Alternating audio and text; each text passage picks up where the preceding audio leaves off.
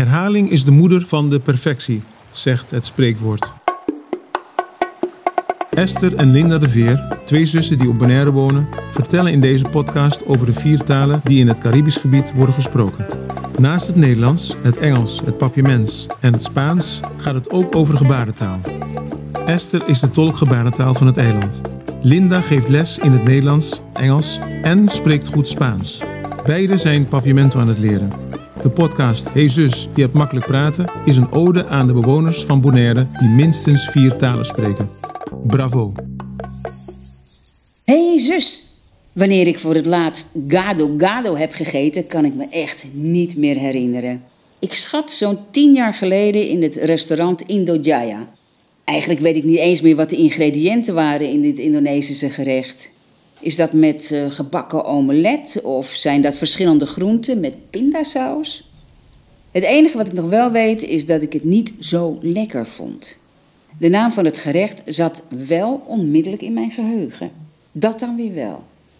De schuld geef ik aan de herhaling. Het woord gado gado swingt net zoals kiele kiele of balletje balletje of tuut en toi toi. Ik piek en besuf of er ook dat soort herhalingswoorden zijn in het Engels, maar ik kom niet verder dan de bush bush. Ik denk dat als je dit Engelsachtige woord tegen een Amerikaanse toerist zegt, zij met haar oren staat te klapperen. Klapper de klap. Nee, dit woord bestaat niet, maar misstaat overigens niet in dit verhaaltje. Volgens mij is de bush bush een gevalletje apart en hebben de Nederlanders dit woord van de Engelsen gestolen. Ik gebruik het als ik het over de rimboe heb, waar het heel primitief is. Laatst vertelde ik nog tegen een collega over mijn driedaagse jungletocht in Indonesië. Waar ik met een kapmes een weg baande door de bush bush. En dat ik geen eten had meegenomen. Dus verrekte ik van de honger. Ja, dan zou een garo garo natuurlijk een welkom godsgeschenk uit de hemel zijn. Maar goed, dat hongeravontuur is weer een ander verhaal. Herhalingswoorden in het Spaans. Hmm, ik kom niet verder dan dat je twee keer nee mag zeggen in een zin. Terwijl dat in het Nederlands een doodzonde is. Dat is toch ook zo in het papiaments? Heb jij enig idee of er tot de verbeelding sprekende herhalingswoorden in het papiament zijn? hey zus, ik hoorde laatst chop chop. Zou dat nou Engels zijn? Of is dat dan weer gejat van de Chinezen, vanwege de chopsticks? Het is geen makkelijk onderwerp trouwens, dubbele woorden. Ik ken het van vroeger als mama zei poi, poi, poi. Als ze iets heel erg lang vond duren of zo, of stom vond. Waar komt dat dan vandaan? Het klinkt Jiddisch. Misschien omdat ze opgegroeid is in de Jordaan, in Amsterdam. Tenminste, dat denk ik. Want daar worden heel veel Jiddische termen gebruikt. Nou ja, in de gebarentaal heb je dit helemaal niet.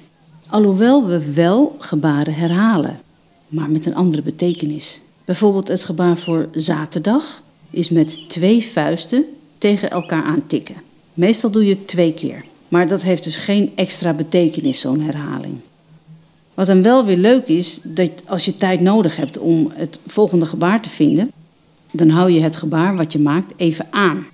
Dus het gebaar zaterdag, met die twee vuisten, die tik je dan een paar keer achter elkaar.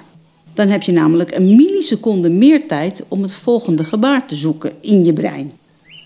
Toen ik nog student was, maakten we altijd videoopnames van ons huiswerk. Opschrijven van de oefeningen schoot natuurlijk niet op. Want om een gebaar helemaal te omschrijven, heb je wel één A4'tje nodig. Daarom ging bijna alles dus met video. En als ik mezelf terugkijk, zie ik dat ik heel vaak heel veel herhalingen maak voor heel veel gebaren. Gewoon omdat ik niet wist hoe ik het volgende gebaar moest maken.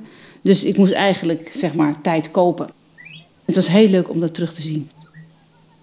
Even terug naar de gesproken taal. Voor wat betreft het papiaments ken ik poco poco en tiki tiki. En ik ben eens een onderzoekje gaan doen en er zijn veel meer woorden.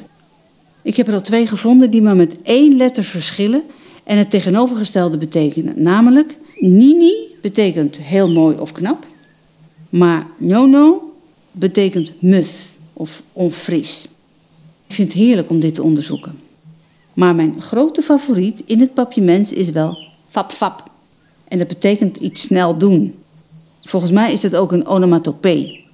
Ik zie hier iemand ook razendsnel met een hand over die andere vegen, alsof je bankbiljetten wegtikt. Je kent het wel. En dat dan met een fap, fap, fap, fap geluidje. Ik kan het niet beter omschrijven. Weet jij iets van onomatopeeën? Bedankt voor het luisteren. Luister ook naar de andere afleveringen van Hey. Steven Tromp, bedankt voor de muziek. Alfred Borgos, bedankt voor de aankondiging. Podcast Tabon, bedankt voor de productie. En vond je het hoopje leuk? Geef ons dan een like. Hajo!